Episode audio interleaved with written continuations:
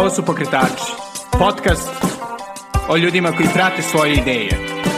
Ja sam Srđan Garčević. Dobrodošli. Ćao i dobrodošli u najnoviju epizodu Pokretača. Današnji gost je Srđan Kostić, pokretač izdavačke kuće ITV Centar Plus, koja se bavi izdavanjem zaista neverovatnih naslova, izrazito vrednih, a meni možda najdraži od kojih je Barbarogenije decivilizator koji je napisao Ljubomir Micić, jeli, pokretač časopisa Zenit. Sa Srđanom Kostićem sam pričao o tome kako izgleda baviti se izdavaštvom u Srbiji, da li postoji e, uopšte publika za njegove izdanja i naravno o značaju sjajnih knjiga koje su izdali, poput jeli pomenutog Barbarogenija, ali naravno i dosta drugih. Pre nego što čujete Srđana, hteo bih da vas podsjetim da možete donirati pokretačima preko Patreona na adresi patreon.com, kosacrta Belgrade ili preko Paypala na adresi paypal.me kosacrta Sagarcevic.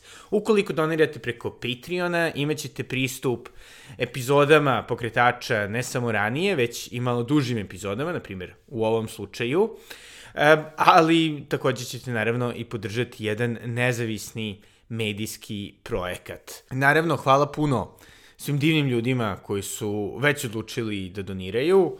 Vaša podrška mi dosta znači. A sada, bez duženja, ovo je Srđan Kostić iz ITV Centra Plus. U, I ovo ću snimiti kasnije. Nema Tako da. nikakvih problema. Znači, ono priča o barbarogeniju počinje kao i sve druge priče vezano za izdavački profil ITV Centra Plus. Predno 20 godina u jednom kafanskom društvu već onako neki su bili pod dosta ozbiljnim uticajem piva. Jedan e, magacioner u jednoj izdavačkoj kući je došao na ideju da se ono samostali i tako dalje. I pošto mene drže za ono dosta, dosta načitanog i dosta pismenog čoveka, pitao me šta bi ti radio. Ja gledam i kažem, pa vidi, kad bi, ja bio, kad bi se ja bavio samo izdavaštvom, ja nikad ne bi izašao iz depoa Narodne biblioteke. Šta je to, kako je to, zašto je to? Pa je vrlo jednostavno. Da u depoima Narodne biblioteke ima knjiga, zaboravljenih knjiga i zaboravljenih autora. Jednostavno, to je neiscrpno blago a, jedne zemlje. Zašto je Hitler 41. sravnio Narodnu biblioteku na Kosančićevu vencu? Prosto da bi zatro trag neke naše pismenosti, našeg postojanja i tako dalje. Jer jedno, jedan narod determiniše jezik, pismo, teritorija, običaj i religija. On je krenuo da nam ubije to što smo imali te neke pisane tragove. Ono što je spaseno predstavlja na, nacionalno blago i odatle treba, treba krenuti. Da, pogotovo obzirom koliko smo imali raznih promena i diskontinuiteta da dosta toga zaborave ili potiskuje. Nar naravno. Recimo, priča o Barbarogeniju, odnosno braći, braći Micić, o Čajkanoviću, koga je ubio pod znacima navoda Takođe, jedan e, srpski velikan o čemu se izuzetno malo zna u pitanju je Stevan Jakovljević, ali ono, mož, možemo i sad u tome, a možemo i kasnije kako god. Da, možemo kasnije. Vi kažete. Da, da. Tako je, znači, priča se sa, sastoji u tome da je, a, da su fundusi Narodne biblioteke neiscrpno blago, knjiga koje treba obnoviti, ali imamo jedan jako, jako ozbiljan problem. Ljudi koji tamo rade, a, ne rade tamo zato što vole knjigu, nego ajde da nađemo e, neki, neki posao da platimo račune, pa tražimo nešto bolje odatle. Tako da je komunikacija sa njima jako, jako, jako problematična. Ali nekako to uspevamo da amortizujemo. Jedna moja dugogodišnja prijateljica koja je otišla u penziju pre nekog vremena me naučila nekim trikovima koje prilično uspešno koristim i tako polako isplivavaju iz magazina neki, vred, neki vredni i važni naslovi koje valja objaviti. Da, pošto recimo, ja kad sam se za, zainteresuo za zenitizam pre par godina, bilo je nemoguće naći ono, izdanje Barbarogeni iz 93. Pa ne, nemoguće ga je bilo naći zato što nisam siguran da li je već tada važila ona zakonska obaveza da je štamparija dužna da preda 10, 10 obaveznih primeraka. Obzirom da to radila jedna vrlo specifična izdavačka kuća i štamparija, u pitanju je e, Filip Višnjić, ja mislim da oni više u takvom obliku ne postoje. I sada kad e, imate takvu kuću, to je bila izdavačka kuća za slepe, njihova glavna preokupacija je bilo izdavanje knjiga na Brajevom pismu. Sad, da li su oni preda, predali nešto na, na Brajevom pismu ili ovo što su standardno štampali, to niko, nikog nije a, interesovalo, a Narodna biblioteka imala dosta veliko razumevanje za takve kuće, kao što je ona a, isto za slabovide i slepe ljude dovoljno Dorčevo, ona institucija Milan Budimir, ne znam, ta, doktor Milan Budimir, tako se zove, ali sad koji je puni naziv ne bi znao da. i oni su se bavili izdavanjem nekih knjiga i priručnika kako da slepim i slabovidim ljudima omoguće da olakšaju koliko toliko živote. Aha. I zato jednostavno niste, Barbarogenija niste, niste mogli naći. Da. I zato, ga, ali sada ga, hvala Bogu, imamo u tiražu od 500 primjeraka. Prvo. To je, to je neki, neki prvi, e, prvi tiraž, jer to je knjiga koja ima neku svoju publiku, po nekoj moje proceni. Možda 1000, 1200, do 1000 i po ljudi, ono, maksimalno, ali vreme, vreme će pokazati, jer prvi rezultati u prodaji pokazuju neko interesovanje i obično knjižare koje jako slabo prodaju knjige bez obzira što su na udarnim mestima i tako dalje. Čak ono su imale intervencije, urgencije, sve što ste doneli, a, prodali smo, dajte nove količine i tako dalje i tako dalje. Tako da knjiga je izašla pre jedno tri meseca, otprilike možda neki dan više, neki dan manje. Tako da ulazi, ulazi polako u e, život. Još uvijek je veoma specifično a, odrediti koja je to ciljna, ciljna grupa, možda čak i nemoguće, jer zenitizam okuplja, a, ima poklonike u različitim društvenim grupama i društvenim slojevima, tako da kome se i kako obratiti, veliko, veliko je pitanje, ali za sada neka ostane ovako, čak ni promocija nije bila, Bog zna, a, kako je ispraćena medijski, da li je tu zakazao organizator, da li je zakazao neko drugi, to sad možemo da ono, pretpostavljamo, a promocija je bila 9. A, septembra u kući Đure Jakšića, koja je bila relativno dobro posećena, ali nije bilo ispoštovano ono što je trebalo da, da bude, znači ono, do, dođu neki novinari, da dođu televizijske kuće i tako dalje.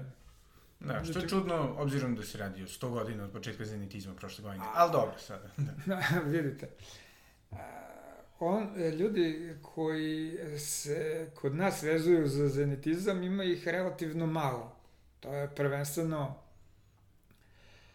uh, Irina Subotić, gospođa Vida Golubović, koje su napravili izuzetnu knjigu o zenitizmu. Tako, može naći. tako je, znači njih dve, pa onda se tu kroz avangardu spominju neki e, Dejan Jović, Predrag Todorović i ima neko iz Novog Sada, sada ne mogu da se setim imena što nije ni bitno u ovom trenutku. Međutim, a, zbog godina, gospođa Subotić i gospođa Golubović nisu bili u mogućnosti da pruže neku ozbiljniju podršku ovom projektu. Gospođa Golubović je dala saglasnost da se njen a, pogovor, odnosno njen komentar, koji se nalazi u, u istom ovom izdanju iz 93. godine, nađe u ovom, a, da kažemo, novom izdanju. Gospođa Irina Subotić je dala smernice da se obratimo gospodinu Dejanu Joviću i tako dalje, koji je direktor instituta, mislim da je tačan naziv Savremena književnost, i koja nam je ustupila e, sliku za Koricu koja je iz njene privatne arhive. Mi smo se na toj slici malo poigrali i čitavci koji budu videli, uzeli knjigu u ruke na koricama na džemperu e, Ljube Micića je crveni krst, a treba, sa četiri oceva, a u originalnoj slici, pošto je crno-bela slika, treba da bude beli. I pokušali smo i na taj način ono da zabodemo malo prst u oko, da skrenemo pažnju na, na koricu. Da, i na njegove ove, ideje koje su u knjizi. A kako ovaj, eto, otprilike dali ste neku, neku indikaciju o svim tim poteškoćama što se tiče izdavanja knjige, ali jedna stvar koja mi je baš onako bila zanimljiva je to što ste rekli otprilike računate, ne znam, da je neka publika za ovu knjigu oko 2000 Pa, ljudi. Malo, kako malo je to, to optimistički. Pa da, ali kako to procenjujete? Znači, ovde se radi o jednom od remek dela naše književnosti, izrazito zanimljivom delu. Vidite, a, Micić je u ovoj knjizi pre skoro 100 godina a, predvideo onako vrlo ozbiljno šta će se de, dešavati. Jer tu imate a, u jednom a, odeljku jednu predstavu lažne elite gde neki univerzitetski profesor veliča pokretnu traku Henrya Forda i sve što ono do, donosi i tako dalje i tako dalje, a pritom zaboravlja da je Srbija u tim trenucima, to znači dešava se posle Prvog svetskog rata, bila u ozbiljnom problemu da uhvati vazduh na svim poljima, počevši od toga što je izgubila skoro polovinu muškog stanovništva u najboljim ono reproduktivnim godinama i za stvaranje porodice i za neko stvaranje nekih materijalnih dobara, bilo da su pitanju, da je pitanju obrada zemlje, neke zanatlije, na kraju krajeva intelektualci. Da. Sve je to bilo veoma, veoma u nekom minijaturnom obojku.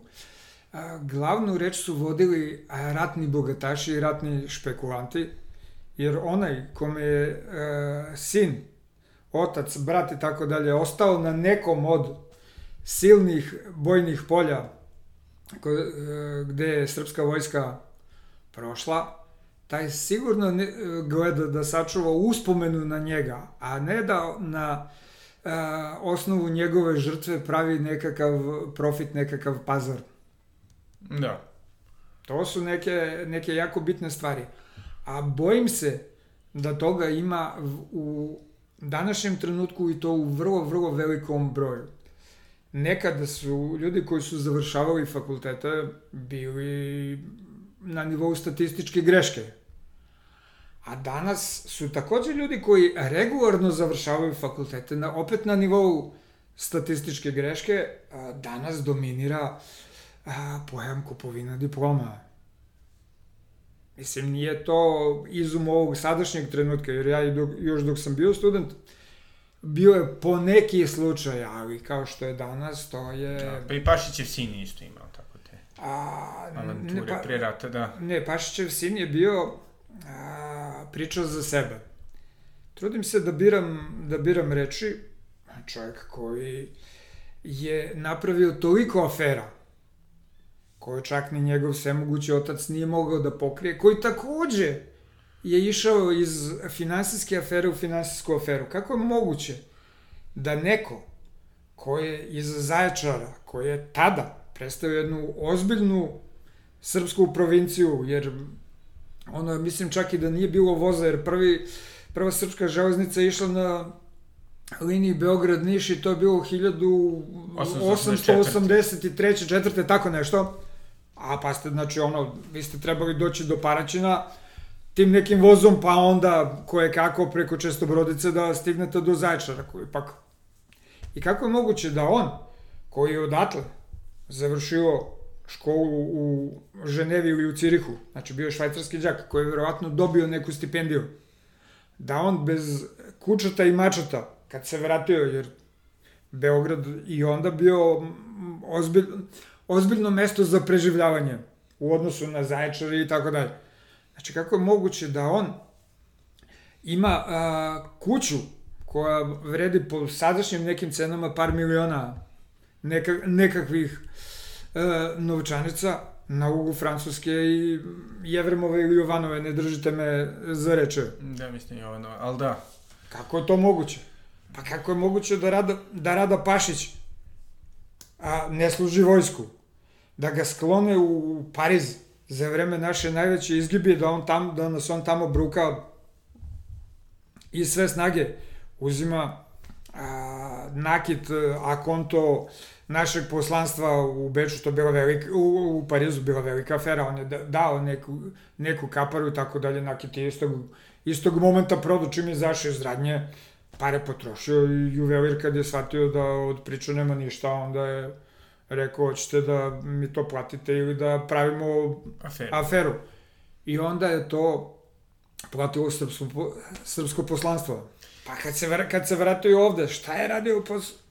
Da. Kako je moguće da on takav ima a, nekih 10 ili 12 kuća u Beogradu? Znači, u Parijskoj ulici. Ulica Velike stepenice. Navodno, njegovi naslednici su tu kuću prodali, pa su opet napravili neku mučku da kuću nisu prodali, nego da je sad da se kuća vodi na nekog drugog i tako dalje, čovjek koji ima crno na belo da je njegova majka kupila to, Da. može da se, da se slika, tu, tužite ga. Da. Ali, mislim, ono, i nekako šire barbarogenije, baš što ste krenuli da pričate o tom sjajnom dijalogu koji ima s tim univerzitetskim profesorom, dokazuje da dosta naših problema zapravo nisu samo trenutni, da zapravo postoji taj veliki problem neke, da kažemo, fascinacije najnovijim, najsvetlijima, potpunog zanemarivanja nečega što je možda... Pa ste u Mic- Miciću, Zabavno, da. Miciću knjizi a, sve vreme zastupa jednu, a, jednu ideju koja na kraju krajeva i ideja vodilja a, zenetizma. A on kaže da je zapadna civilizacija doživjela svoj krah, sve njene ideje su pale u vodu posle takve klanice kakav je bio prvi svetski rat. Jer, jer ne znam da li znate, prvi svetski rat je imao i a, međunarodni sukob između ono a, saveznika i sila Tante, ali je imao i sukob recimo u okviru jedne zemlje. Da li znate da je a, 917. jedna a, jedan veliki broj a, vojnika bio povučen sa zapadnog fronta, eng, engleskih naravno, i poslat u Irsku da guši pobunu koju su Irci ono, podigli u želji da se ocepe od Velike, od Velike Britanije. Da. Da li to ukazuje na neke progresivne ideje ili na neko, neko ludilo, neko doba apsolutizma, ne, neke neograničene vlasti i tako dalje. Pa da li je moguće da a, onakva klanica na zapadnom frontu bude sa gde se prvi put primenjuju bojni otrovi i tako dalje? Kad dolazite do recimo suludih pronalazaka, ali koji su morali da budu funkcionalni, gas maska za konja, nije samo za čoveka, nego gas maska za konja, jer konji su bili osnovna pokretačka sn transportna snaga kod uh, svih zaračenih zemalja. Da, tenkovi su te kretali, da. Upravo, ali ko, ko je vukao uh, poljske Zaprege, topove, da. brdske topove tako da. Konjske zaprege. Da. Ko je organizovao snabdevanje? Konjske zaprege.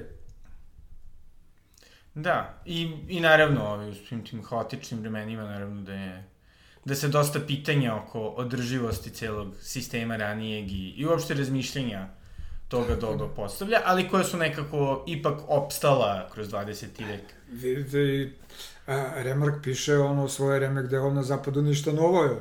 Da, Došao rat, u ratu tragedija, posle rata tragedija izgublj, izgubljene generacije. da. I naravno i onda Spengler sa svojim ovaj, Tako je.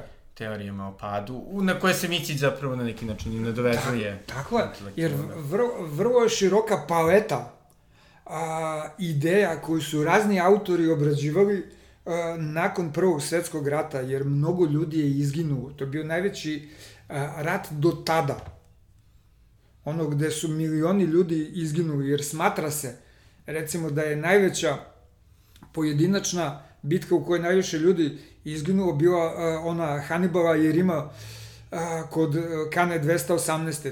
Tada se procenjuje da su Hannibalovi vojnici ostvarujući briljantnu pobedu ubili negde između 60 i 70 hiljada rimskih vojnika u jednom danu. Slično nešto imamo i na zapadnom frontu sredinom jula 916.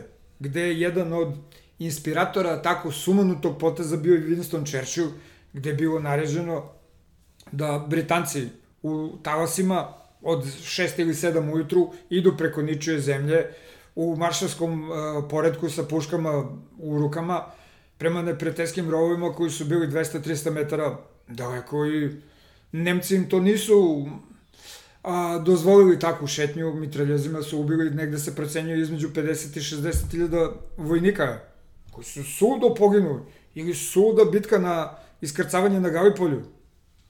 Da. Jednostavno, Da, to takvi, takvi masakri, života. Takvi masakri da. nemaju nikakvo opravdanje, a uh, upravo ovo što ste rekli, mašine koje su u ovom uh, slučaju ratne, su donele tolika stradanja, tolike masakre. A, neko kaže da su one bile progresivne, jeste ono, napravljeno je, napravljena je neka nova mašina, to je u okviru industrijske revolucije, ali ta industrijska revolucija je pretila da pojede svoju decu. Da. To je... Upravo svoj, svojim razvojem. Jer iza proizvodnje oružja, ono čemu se divi univerzitetski profesor kod Micića, je Fordova pokretna traka, da se podigne produktivnost. I zamislite vi nekoga ko 10 sati juri na svoja dva a, dužinska metra trake da zavije 10 šrafova. Sad sam malo iskarikirao operaciju, ali on, traka ide i on mora da, za, da završi da bi sledeći mogao da radi sled, operaciju. Veliki psihološki, a i fizički pritisak. Znači, šta on posle završene smene može da radi? Može da ode negde da nešto pojede, da se sruči u krevet ili pošto uglavnom to nije bila ta vrsta ljudi, nego su išli u kafanu, popili su 2, 3, 4 piva, alkohol ih je uhvatio, krenuli su problemi, koc, kocka, tuče, prostitucije i tako dalje. Jednostavno, gde su te osnovne ljudske vrednosti? Kad ćemo mi da težimo šta da zavrćemo šrafove u nekoj fabrici? Evo, to, to imamo i danas. Ot, otvaramo fabrike, veliki investitori dolaze, šta rade naši ljudi? Motaju kablove. Oni su nesrećnici zatezali šrafove ili ubacivali delove, vi sad motam, motamo kablove. I naša deca treba da se školuju za to, pa što se ne školuju deca u Nemačkoj, u Italiji, u Austriji, nego naša deca. Tamo radnik neće da radi za platu manju od 1000 i po evra, a ovde za 300 evra je maltretman za, za sve pare, pa mnogo, mnogo puta preko toga. Da. Tako da to su neke nelogičnosti, ono što je Micić predvideo, što se provoči kroz svih ovih 100 godina. I mi smo taman kao zemlja uhvatili nekakav priključak koliko toliko sa svetom, iako i dalje ostajemo ono, Kraljevina Jugoslavija, ostajemo jedna ruralna, poljoprivredna, dosta nerazvijena zemlja. Kada dolazi ona nesreća od drugog, od drugog svetskog rata opet podele, opet stradanja, stradanja o, katastrofa, da bi opet e, posle rata, umesto da krenemo da se oporavljamo, mi smo onda nastavili drugo polovreme sa klasnim neprijateljima, ko je bio levi, ko je bio desni i tako dalje i tako da. dalje. I dobro, i gledanje suštinski industrializacije kao nečega što je bilo isključivo progresivno i isključivo E sad imamo uh, u tom uh, socijalizmu imamo novu vrstu socijalizacije koja je uništila, ko niko nije razmišljao tada, koja je uništila uh, najzdraviju osnovu ove zemlje na koje je uh, ova zemlja, govorimo o Srbiji, ži, preživela Turke i uspela kako tako da funkcioniše. Mladoj revolucionarnoj zemlji. Trebala je industrializacija. Gde su najamni radnici? Pa nema ih. E, nešto je poginulo u ratu, ne? E, proleteri koji su preživeli rat, idemo, radimo, stvaramo i tako dalje. Odlično, ali mi ne, nemamo ništa. I da zabodamo jedan našov, to je ispunjen, ispunjen plan 100% je. Da. Jedan našov u odnosu na nijedan je mnogo. Gde nam je radna snaga? Kako ćemo da stvorimo ljude za proizvodnju? Čekaj, eno su oni po selima, po brdima. Pa kako da ih natramo? Neće niko da proda očevine, tako jednostavno nema struje, nema škole, a, nema perspektive.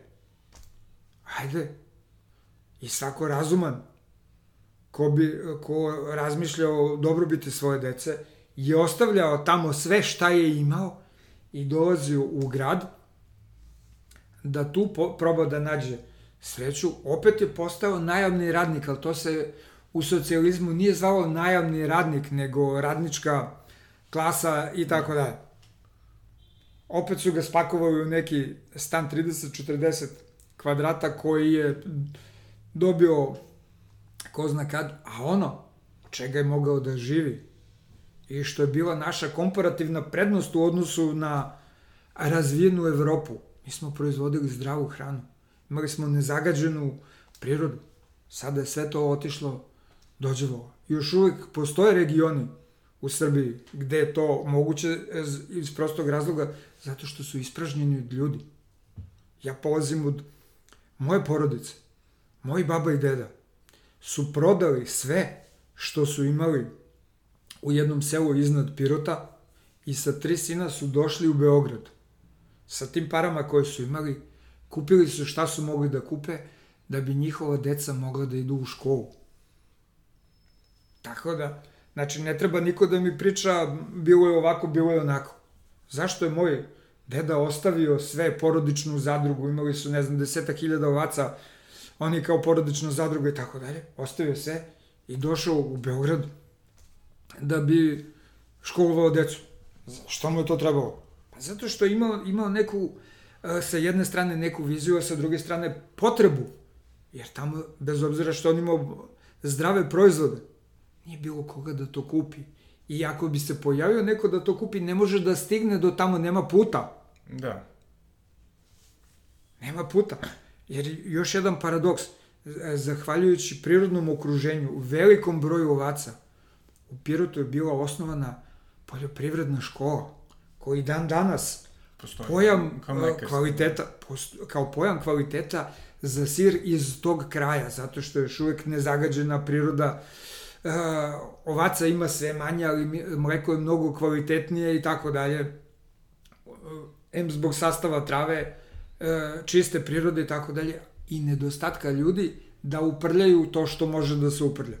Jer ovde u, Be u Beogradu, da li u centru grada ili po nekom obodu grada, vi ste u istom problemu. Morat, pa, morate da pazite da ne ugazite u neki pseći izmet. Đubreta ima svuda, plastike ima svuda, tako da Da, da. Osim na milost i nemilost košavi, ovaj, da nam pročisti vazduh. I nje, nažalost, ima sve manje. Sve manje i manje, da. Ali, interesuje me, recimo, evo ovde, sa Barbarogenijem, mislim, zvuči, naravno, da, da nekako i, i sami mislite da postoji ta neka, ono, mislim, da se rimuje donekle i sa vašim porodičnim iskustvom i onim što vidite, ali recimo za, za druga izdanja koje su uh, vrlo onako zanimljiva od ove, Čikanovićevog o srpskom vrhovnom bogu, do par izdanja Ničea, do ove, um, srpske trilogije, srpske trilogije, e, priče o Mustafi Golubiću. Mustafi Golubiću. Ove, kako birate naslove? Pa, e, vidite, ja kao e, neko ko ima dosta godina uredničkog staža, i analizirajući stanje na tržištu, kada sam ja počinjao da radim, uglavnom su e, knjige tipa o kojima govorite, bila je takozvana ta knjižarska ili virmanska roba i to je bilo zastupljeno u ukupnoj, ukupnom procentu prodaje, recimo, maksimalno 10% na mesečnom ili godišnjem nivou. To su bile relativno jeftine knjige, jer e, izdavači su se uglavnom bazirali na kapitalnim delima. Međutim, kolo sreće se okrenulo i e, sada kapitalna dela ne mogu imati onu dinamiku prodaje koju su imali, pogotovo kad imate nekoga ko ima platu 30, 35 hiljada dinara, a pritom je ljubitelj knjige. Kako ćete mu prodati knjigu koja košta 4, 5, 6, 10 hiljada dinara? Ili neki, neki kompot? Jednostavno moralo se okrenuti ka e, nekim jeftinijim knjigama pod znacima navoda, ali knjigama koje imaju, koje imaju vrednost. I na osnovu toga, malo analizirajući tržište, a, male izdavačke kuće ne mogu sa romanima a, parirati velikim izdavačkim kućama, jer kod njih je to hiperprodukcija.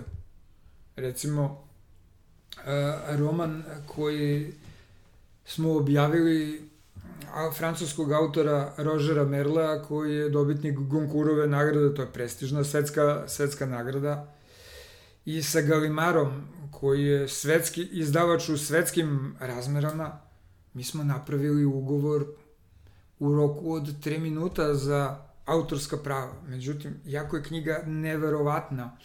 E, roman prati psihološka stanja komadanta Auschwitza od e, porodično, ono, od nekog detinstva, kako, ga, kako je porodica uticala na njega, pa sve ostalo, kako je prihvatao naređenja, ti sjajni psihološki uh, opisi su uh, izuzetni. Međutim, to kod uh, naših knjižara ne dolazi do izražaja, jer uh, dobar deo knjižara radi isto kao i ovaj u biblioteci. Rad, radim da bi radio za, za neku platu, ali uh, nije, nije za džabe u, trgu, u srednjoj trgovinskoj školi a, formulisan i pre, a, održava se nastava jednog predmeta koji se zove poznavanje robe.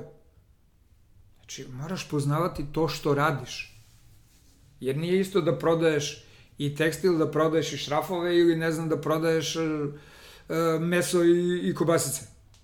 Svaka roba traži neke svoje Da, i prilazi prist, i pristup i ljubav, a ovde je sad sve to ono linija, linija manjeg otpora daj bilo, daj bilo kakav posao. Tako da svi e, naslovi koje smo mi objavili, ima ih negde dvadesetak, su dosta znalački e, prona, odabrani i dosta je teško e, bilo doći, doći do njih. Da. I prilike kako izgleda taj proces? Pa vidite, evo, možemo da recimo e, ispričamo priču o dobijanju autorskih prava za Rožera Merla sa Galimarom, a možemo da ispričamo i priču o a, sporazumu sa gospođom Marijanom Pakiž za prevod Platonovog Timaja. To su dve stvari koje su jednostavno a, ne, nespojive, ali život piše, piše romane. Znači, kada sam a, pročitao prvi put a, Smrt je moj zanat, a, koji je prvi put objavljen u bivšoj Jugoslaviji, tamo negde 60. godine, bio sam oduševljen knjigom.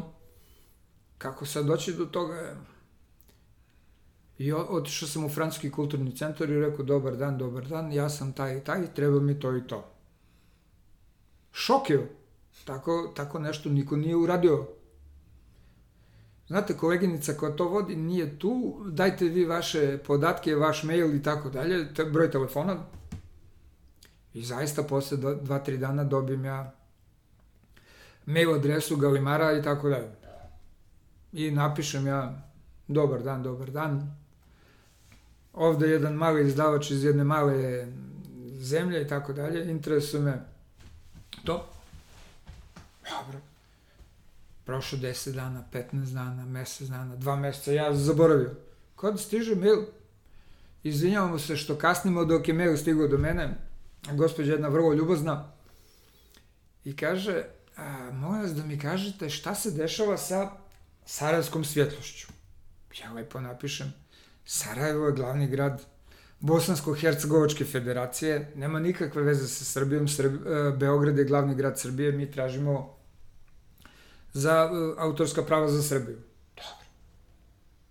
Prošlo mesec dana, evo, možete li da mi kažete, jako sam uh, zainteresovana šta se dešava sa svjetlošću Sarajevskom? Mm -hmm. Gospođo, svjetlost Sarajevska postoji kao ime.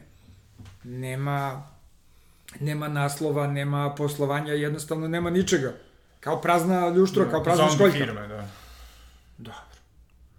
Posle mesec dana ponovo je šta se dešava i onda sam morao da budem malo netaktičan, pa sam napisao, gospođo, vaša zemlja je učestvovala u razbijanju jedne velike zemlje na šest malih zemalja, tako da a, dajte se malo informišite da je Bosna i Hercegovina jedan sasvim drugi pravni entitet u odnosu na Srbiju. I kad se sve to sabere, od mog prvog kontakta Francuskog kulturnog centra do a, dobijanja ugovora prošlo je od prilike nešto malo manje od godinu dana. Da kažemo između 11 meseci i godinu dana. Jer nakon tog mog maila pitaj, pitajte vaš generalštab koji učestvuje u rasturanju naše zemlje, a, ugovor je stigao, ja mislim, u roku od 10 ili 15 dana, sa toliko simboličnom cenom za autorska prava da ja nisam mogao da verujem joj. Ono, za svaki slučaj sam, uh, sam proverio, ono, pošto je stigao mail i na engleskom i na francuskom, ja francuski ne govorim, i onda sam morao da proverim kod uh, sudskog tumača za francuski, da uporedimo engleski i francuski tekst, odnosno prevod, da li je to isto to, kad smo tvrdili da jeste, otišli smo da knjigu, knjigu pripremamo. Knjigu smo pripremili za manje od dva meseca i knjiga, evo već skoro godinu dana funkcioniše. Nije nešto sjajno, ali da kucnemo drvo, dešava se. A što se tiče Platonovog e, Timaja, tu je priča malo drugačija. Ja sam nekako a, uspeo da dođem do preporuke za knjigu.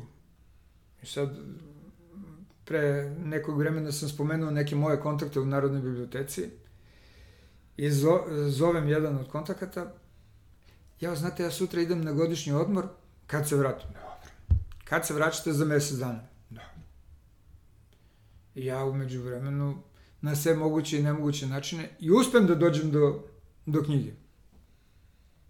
Vidim ja tamo piše sa grčkog prevela Marijana, odnosno Marijanca Pakiša. Kako sad doći do nje?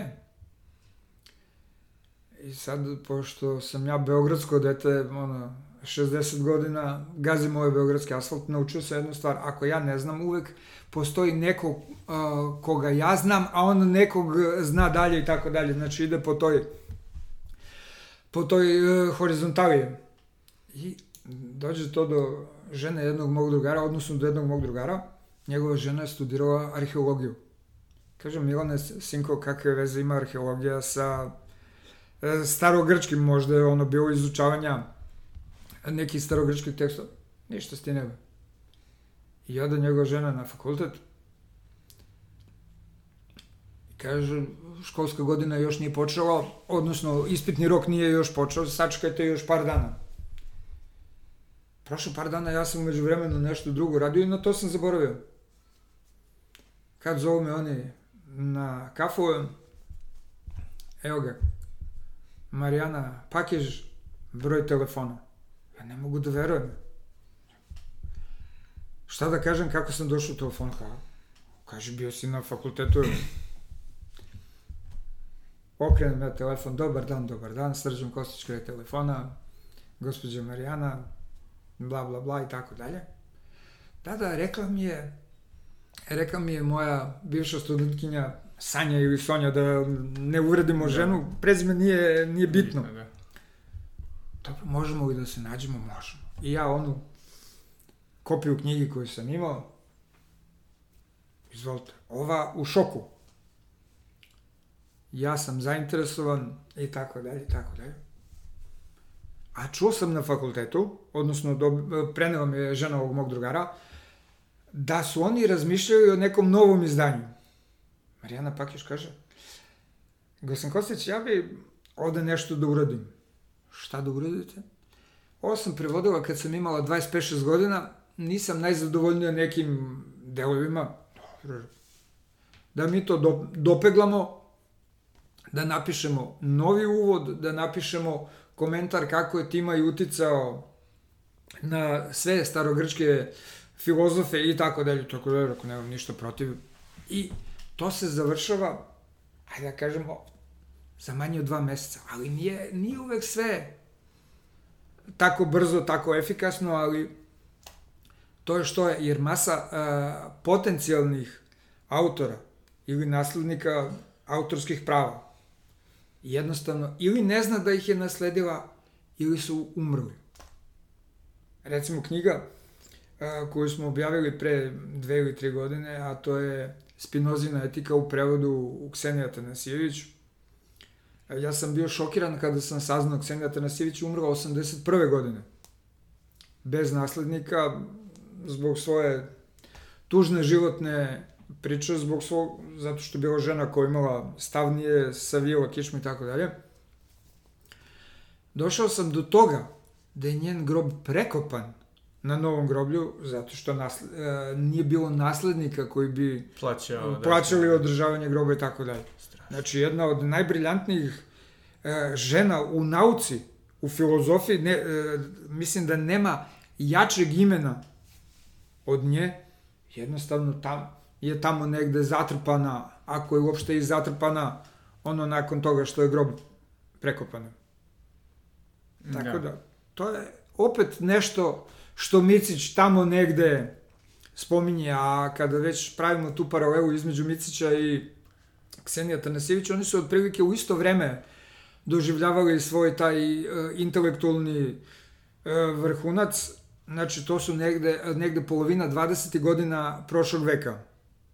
Kada Micić uh, je u najvećem naponu sa Zenitom, a kada Ksenija Tanasijević brani doktorat o Spinozi, gde komisija za odbranu doktorata bila u strašnom sastavu koji su pitali neke stvari koje nemaju nikakve veze sa Spinozom, ali da joj pokažu da su oni intelektualno jači od nje i da ženi mesto u kuhinji sa, sa varjačom. Je.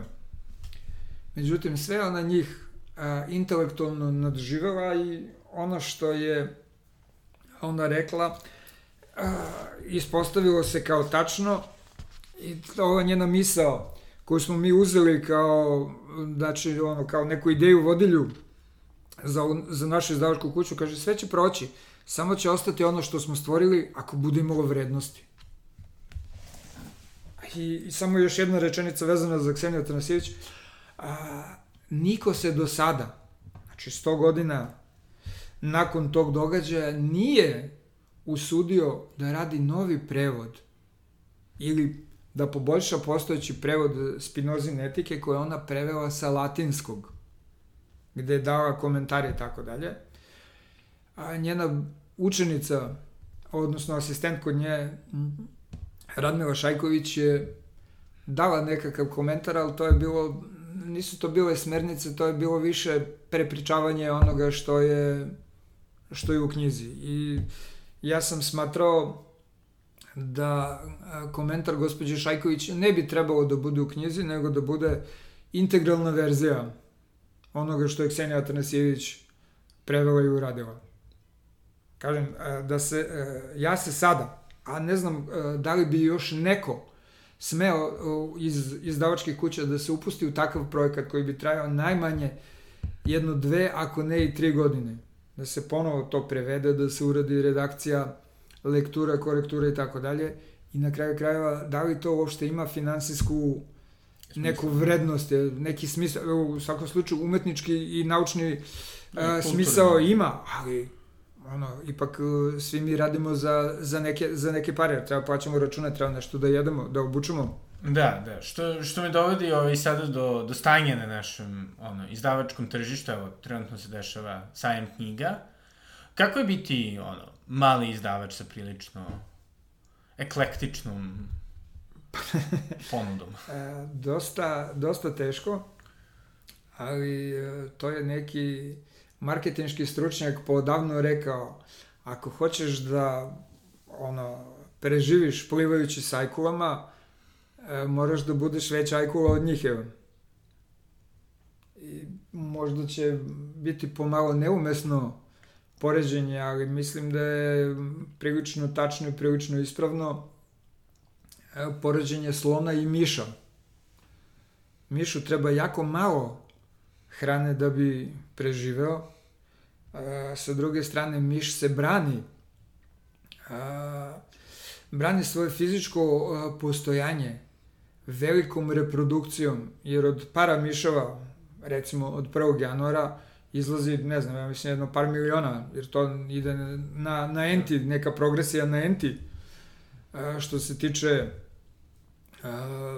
njihovih potomaka, dok slonu treba najmanje stotina kila koje kakve hrane u toku dana, da li je to trava, da li su neke grančice sa lišćem i tako dalje, tako, neka kora drveta. I pritom slonica ima teranje jednom u recimo tri godine, koliko nosi, koliko je trudna. Slončiće, da. Tako je, i koliko e, doje tog slončića i tako da. Znači, sve to je priroda uredila. Zamislite da se slonovi razmnožavaju kao miševi. Da. Pa izgazili bi nas ovako. E, i upravo ta... A, mali izdavači moraju da koriste najjače oružje koje imaju glavu. Da traže naslove kojima veliki nisu, ovaj, koje velike ne zanimaju i pritom da traže kakvu gerilu prodaje.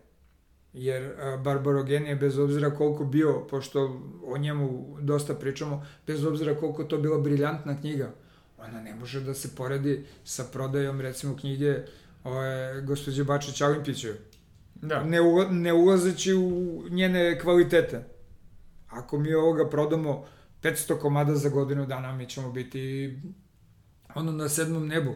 A ovi se, njeni se tiraži računaju 10, 15, 20 hiljada. Da. I sad, njene knjige će se zaboraviti istog momenta kada se pročitaju.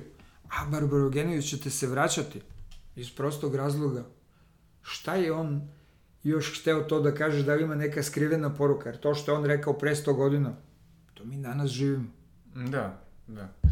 A, isto me interesuje, dobro, vi ste krenuli u, uh, u izdavaštvo kada je ono, svet, uopšte izdavaštva, bio dosta drugačiji. Tako je. I, ono, pogotovo kod nas, čini mi se, gde je dosta tih velikih, starih izdavačkih kuća jednostavno nestalo.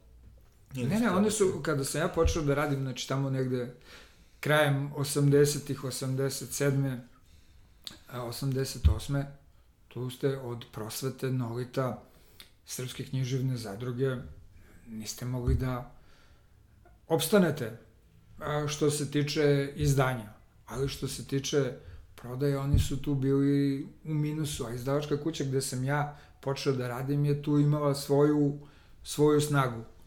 I onda sam ja kao uh, najmlađi, najškolovaniji kadar u uh, toj izdavačkoj kući dobio zadatak da formiram redakciju, da počnemo polako da uh, i mi izbacujemo neke naslove i tako dalje. I to priča kreće prilično ozbiljno i onda nam, uh, ne samo nama, nego svima krila seče 91. 92. o 93. da ne pričamo i tako dalje.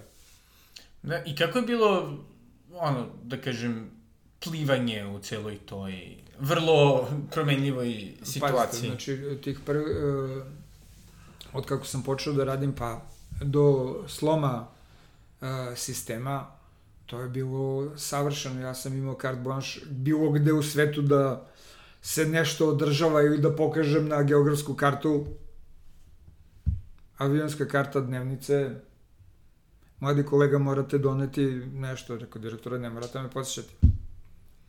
Tako da, gde god sam išao, ja sam nešto, nešto doneo i mi smo iz toga od dinara uloženog u moj put napravili bar 15 dinara nekakvog profita. I onda do, do, dolaze mračna, mračna vremena a, dešava u to, ta 92. i 93. donose a, jednu promenu jedan veliki lom koji se osjeća i danas.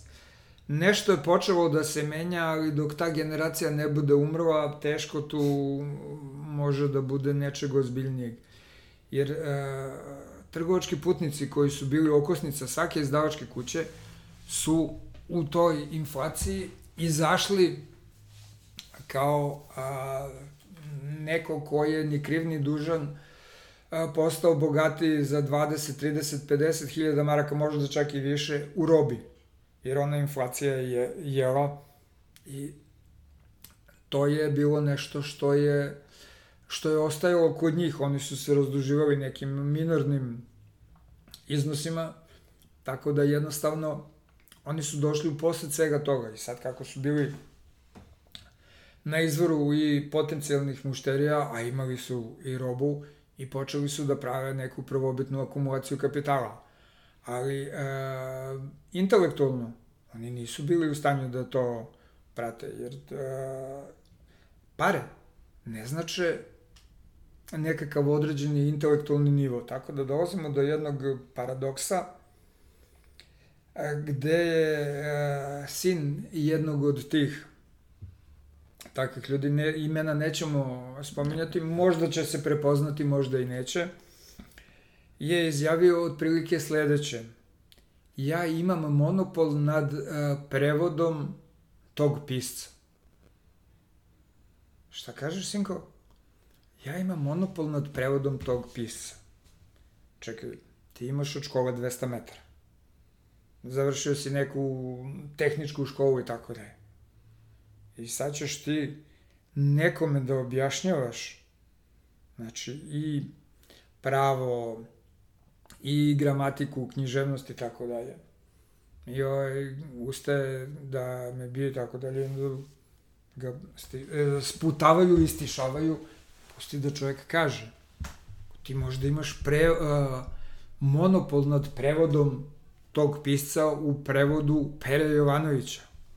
Ali ja mogu da angažujem Žiku Petrovića da on isto to prevede. I gde smo? Druga je stvar što je prevod Pere Jovanovića zaživeo, a Žike Petrovića nije. Treba da se probije na tržištu, ali nemoj takve stvari da pričaš je. Da. Nije mu to bilo jasno. Nikako mu nije bilo jasno. Recimo, uh, Nietzsche, u koji je, uh, koji je vrlo, vrlo težak za prevod, pogotovo sa nemačkog, mi smo angažovali, uh, odnosno iskoristili smo prevod Grigorija Ernjakovića, koji je, pored Branimira Živojinovića, bio jedan od naših najboljih poznavalaca i prevodilaca nemačkog, nemačkog jezika, jer ne bi on dobio onu penziju, za, nacionalnu penziju što je dodeljivana negde tamo 2010. i tako dalje. Ali recimo, a, jedna druga kuća je objavila tog istog Ničeja u prevodu a, prevodioca Božidara Zeca, koji je to preveo sa engleskog. I kada uzmete, čitate istu knjigu, isto poglavlje, prevod sa nemačkog i prevod sa engleskog, to nema nikakve dodirne tačke jedno sa drugim. Jednostavno, Ničo je sam po sebi jako teško pisao, a i Ernjaković je jako dobro poznajući i nemački, ali i srpski, imao rečenice koje vam, na, kada pročitate, činilo se da nemaju nikakav smisao jer imaju po pola pasusa. I onda kada se vratite ponovo i kada obratite pažnju na sve, onda shvatite kako je Ernjaković to briljantno preveo. Ali treba, treba to pokazati i dokazati nekom potencijalnom čitaocu.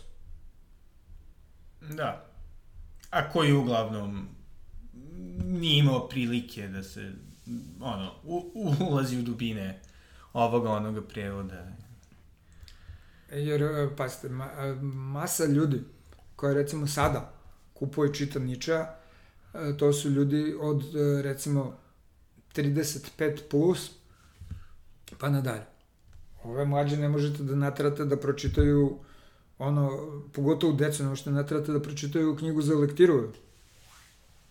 Da. Tako da, I, a, znači, taj potencijalni e, kupac, ukoliko ga zaista niče interesuje, znači, a, se malo raspitati ko, a, ko je najbolji prevodilac Ničeja ili uopšte neko, nekog, nekog drugog pisca koji je preveo neko tako kapitalno delo ili onoga što je Šrafciger industrija, kao što je recimo ovaj prevod ne sa originalnog jezika, nego sa pomoćnog jezika. Da. da, što je pogotovo za filozofiju izrazito problematično. A recimo da, šta biste savjetovali nekome ko bi sada hteo, ne znam, da se upusti u izdavački vode?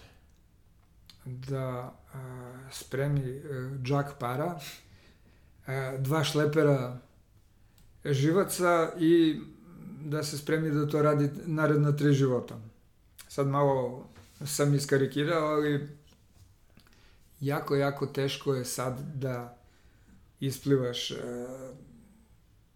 nije, nije problem čak ni da, da se dođe do kvalitetnog naslova. Jer je srušen monopol e, tih agencija koje trguju, trguju pravima Autorska agencija za Srbiju je jednostavno a, nacionalna institucija koja ne živi od onoga što se a, e, što bi napravila kontakte, jer on prvo traže, traže da platite 1000 dinara, pa da vam za 15 dana kažu da oni ne znaju ko je vlasnik, da. Da, nema, nemaju informacije i tako dalje. A, a, I napravit, napravit ćete dobru knjigu. Međutim, postavlja se pitanje prodaje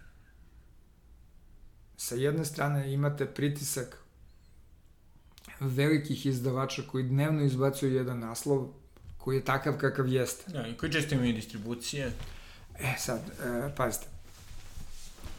Mm, ja sam imao jednu vrlo zanimljivu raspravu sa e, gospo, gospođom koja vodi nabavku u jednom lancu koja je tražila neki dodatni rabat vezan za sajam knjige Kažem, gospođo, čemu vi pričate?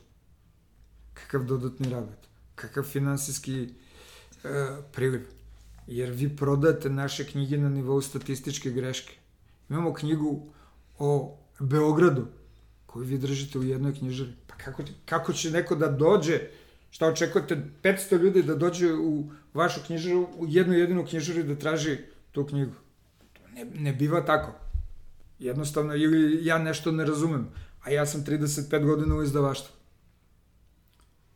Ništa nije rekla, ali posle jedno sat i po vremena je stigla poručbina za uh, još jedan određeni broj knjižara, ali opet nisu sti, nije stigla poručbina za sve naslove, nego je stigla poručbina za par naslova.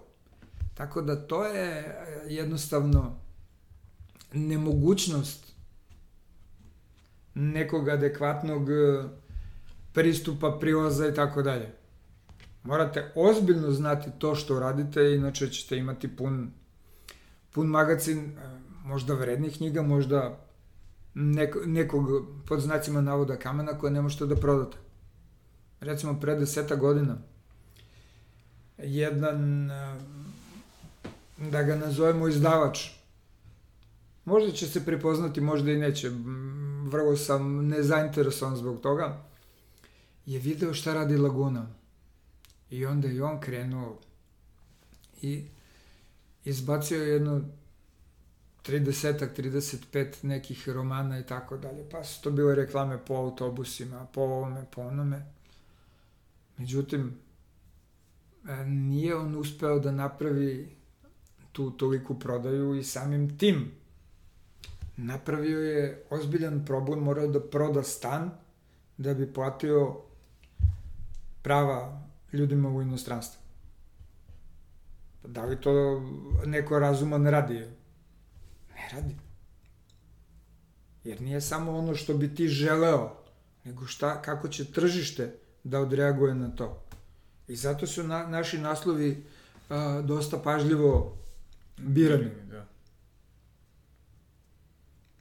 Da. A koliko koristite ili koliko vi mislite da ima smisla se oslanjati na e, da kažem te neke online internet kanale? Pa to verovatno ima nekog e, smisla. Mi smo pre par meseci napravili online knjižaru, napravili smo taj neki Facebook nalog i tako dalje. Ako verujete, do sada ni jednu knjigu nismo prodali preko naše internet knjižare. Da li je suviše rano da Google to prepoznaje i tako dalje, jednostavno ne znam. Postoji još jedna a, trgovačka kuća koja radi online. Oni naše knjige prodaju e, jednog meseca dobro, drugog meseca onako, pa sledećeg meseca to skoči prodaja, ali jednostavno mi još nijednu knjigu nismo prodali online. Da. Tako da, a, verovatno se nismo dovoljno angažovali i da verovatno u tome jeste neka, neka budućnost, ali a, tu postoji jedan problem koji se zove definisanje ciljne grupe. Šta je ciljna grupa za a, naš izdavački profil? Jer recimo Barbarogenija mogu da, a, mogu da interesuju i da čitaju razne, ljudi raznog intelektualnog nivoa, a, školovanja i tako dalje. Ali recimo Čekanovića o vrhovnom srpskom bogu, relativno malo ljudi može da i čita i razume. Možda, iako bi knjigu trebalo da ima svaka srpska kuća, jer ono što smo napisali na, na povođeni, ako izgubimo svoje korene, izgubili smo jezik, a kad budemo izgubili jezik, onda ćemo polako nestati u drugim narodima koji su sačuvali i jezik i tradiciju i kulturu i tako dalje. A mi, da. a mi uporno idemo ka tome da to ne radimo. I zato je veliko pitanje a, kako postaviti tu elektron, elektronsku prodaju. Da, da. I čini mi se da je još jedan problem donekle vezan za ovo što ste malo prirekli i to zato što, evo, na primjer, ja, ok, ono, pričam engleski i stvarno za dosta, pogotovo tih nekih klasičnih stranih naslova, jednostavno samo lakše naći na engleskom i čak. Mislim, tako da, da se ono, da je pitanje za, za naše reizdanje nekih stranih stvari koliko uopšte postoji publika, a one su izrazito bitne, jer one či, čuvaju neki jezik i, hoću da kažem, ono, na primjer, prevod, ono, Platona je izrazito bitan, jer tako čovek prvo, ono, i uči svoj jezik i njegovu plastičnost kroz gledanje kako bio korišćen, kako može da bude korišćen nekim, ono, izrazito ovaj, dobrim delima i, i debatama, i to jest, ovaj, A, Platonovim razgovorima. Razgovorima, što da. sve kroz razgovore data. Pa da, i ovaj, ali isto tako, mislim, jednostavno, mislim, isto širi, da kažem, tu neku vezu uh, ono, sa ljudima koji pričaju isti jezik, hoću reći, ono, moguće je moguće je ono nekoga ko, le, ne znam, ne priča nemački, francuski, engleski, otvara mu oči, a zapravo tržište biva sve Pa evo vidite, dosta, dosta Kažem. to zanimljivo i mi smo, ne mogu da kažem da je to eksperiment, jednostavno to je ideja, ajde da to probamo. E, prevodi nam se e, Sir e, Walter ili Walter Scott, jedna knjiga ko, za koju sam ja prvi put čuo dok, je, dok nisam uzeo da je, da je malo pogledam zove se pisma o veštičarenju i demonologiji. To je, uh, naša publika uh, Valtera ili Voltera Scotta zna po Ajvanhu i po uh, onom škotskom junaku Robroju. On je ova pisma o demonologiji i veštičarenju pisao malo je ostao bez para pred kraj života, znači on to završio negde oko 880. otprilike. Ali e, u to vreme još uvek je postojao običaj spaljivanja veštica u Engleskoj. Znači, eto, to je e, nešto što da probamo da damo neki pogled neke druge kulture na, neki, na neke druge društvene, društvene pojave, jer a, da li su zaista te nesrećne žene koje su bile spaljene imale neke nadprirodne moći, da li su bile veštice ili je to bilo ono, e, prekop, prekopirana postavka španske inkvizicije nakon e, pobede Ferdinanda i Izabele nad e, Mavarima i osva, osvajanjem Granade. Tako da vidjet ćemo šta će, šta će tu da se desi. Kažem, velika, velika je nepoznanica. Knjiga se prvi put pojavljuje i bit će potreban veliki napor da se ljudi, recimo moj godina, ja imam 60, da se podsete da je taj a, Walter Scott pisao toga Ivanha, da smo se mi kao deca igrali, ja sam ovaj, ti si ona i ne, i tako dalje, i tako dalje. Znači, svi smo kao deca teli da budemo u pozitivci, a ne negativci. E sad vidjet ćemo kako će to efekta imati na, na čitalačku publiku. Jer tu bi, i da napravimo neku a, ozbiljnu promociju, pitanje je kako ćemo, velika je nepoznanica i ja sam ipak riskirao da kažem i e, neki novac, a i neko ime da uđemo, da vidimo šta će se tu dešavati. Da, da. I evo ovi kako se približavamo kraju ovaj, jel ima još nešto što biste htjeli da kažeš, biste htjeli da ovaj, moje slušalce ovaj, uputite u, u, da kažem, tajne izdavaštva u Srbiji sada? Nemojte ulaziti u priču o izdavaštvu ukoliko to ne volite, nemojte to shvatiti kao posao ono, od 9 do 5, to je posao od 9 ujutru do 9 ujutru. Jer i kada se završi radni dan, ostaje da se čita prevod, korektura, lektura, šta se dešava u štampariji, da li je dizajner napravio zadovoljavajuće rešenje i tako dalje. Znači, to morate voleti i morate znati. Recimo, jedan a, primer koji ću vam dati gde sam ja a, e, naučio dosta stvari jednog sada već pokojnog autora koji se zove Dragan L. Perić, koji se bavio čitavog života pričom o starom Beogradu. I on je to, u to, pošto se znamo još iz osnovne škole, on je ušao u to, eto, ono, svidele su mu se fotografije starog Beograda i onda je krenuo da, pošto je nešto pisao po, u politici, politici ekspresu, pa je tamo upadao u njihovu arhivu i on je napravio ozbilj, ozbiljnu priču. Ali da, da, njemu se desilo to da je on uh, imao sjajnu ideju, ali nije imao snage da je istara. On je napravio jednu Facebook grupu, bio jednom jedan Beograd. Mm -hmm. I koja uh, ima par hiljada ljudi. Da, i sada je, mislim, aktivna. Da, da, da, da. I pre jedno 15 dana je bilo otvaranje izložbe, bio jednom jedan Beograd u kući kralja Petra na, na Senjaku. Ali on, uh, bio je malo specifičan čovjek i da li je imao snage ili a, se posvađao sa nekim, to je sad veliko pitanje i nije naše da to raspravljamo, ali njegova ta genijalna ideja, zaljubljenost u stari Beograd, došla do jednog takvog nivoa. Tako da, eto, dao sam vam jedan primer, da kažemo, iz, iz naše kuće. Ta da. knjiga koju je on napisao je jedan briljantan prikaz najznačajnijih događaja, ljudi, istorijskih mesta i tako dalje na teritoriji Beograda. I ta priča se završava sa 6. oktobrom, sa 6. aprilom 41. godine. Dalje, dalje ga nije, nije interesovalo. Imao je običaj da sedi u Zlatnom Burencetu, kultna kafana Zlatno Burenca zatvorena pre par meseci. Da. I jednostavno... Da bi se naprijedila.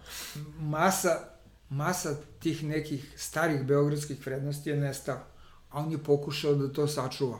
Ako e, neki novi izdavači imaju takvu neku viziju, šta bi trebalo sačuvati i unaprediti, samo napred. Put je dug, trnovit i ne vidi mu se kraj. Da. E, postoji jedan trenutak ovaj, u vašem životu kad ste razmišljali, ok, menjam industriju, ne želim više ne. da se bavim? Ne.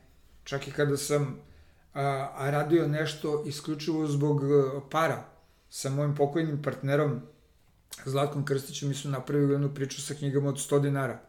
To su bile knjige koje su bile šrafciger industrija, koje su pravljene da se prodaju, bez ikakve, a, bilo kakve vrednosti, osim da kažemo Gorskog vjenca, Luče, Mikrokozme, ovog Blaga cara Radovana, Gradova i Himera. Inače, ovo sve drugo je bilo tako kao što jeste.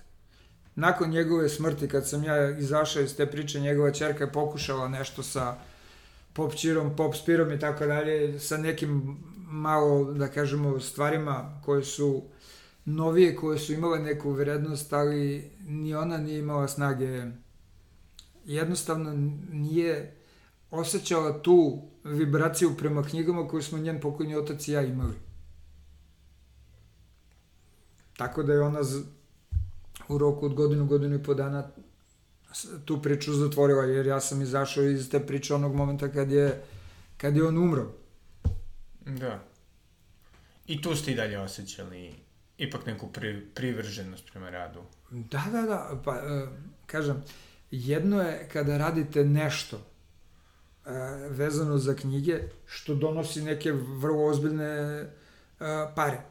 A drugo je kada radite nešto što mislite da treba da ostane iza, iza vas. Znači, da, nije ideja da se vas neko seća, ali važno je recimo da se Barbarogenije ponovo pojavio, ne znam, ovaj Čajkanović, pa da se ne preda zaboravu srpska trilogija i tako dalje, tako dalje. Znači, morate imati veru, morate imati ljubav i morate imati viziju. Kada bi ja opredelio neke ozbiljne pare da sad u ovom trenutku izbacim 20 naslova, a, imao bi, da kažemo, a, mnogo naslova na tržištu, možda pune magazine knjiga, ali kad bi se te i kad će se te pare vratiti. Ali ja se, da kažem, ne predam, jer mi sada u ovom trenutku imamo nekih 5-6 novih naslova koji su pripremi pitanje dana kada će nešto da, da izađe. Recimo, ja sam se, a, slušajući e, priča predsednika Vučića, koji je stalno mahao tom protestantskom etikom, uzeo sam knjigu da, da pročitam. Max Weber je jedan od osnivača sociologije. I tamo sam video neke stvari koje, na koje treba da podsjetimo ljude ovde. A, iz kog razloga je on mahao tom knjigom, ne znam i ne interesuje me, ne bi, ne bi dolazim da, da, da, da. to, ali knji, ta knjiga ima potencijal. I knjiga će izaći možda za jedno 15 do 20 dana. Oho, sjajno. Tako da, a, to je knjiga koja je izašla prvi put 905. A sad je 2022 ajde da kažemo početak 2023. da to bude nekakav orijentir.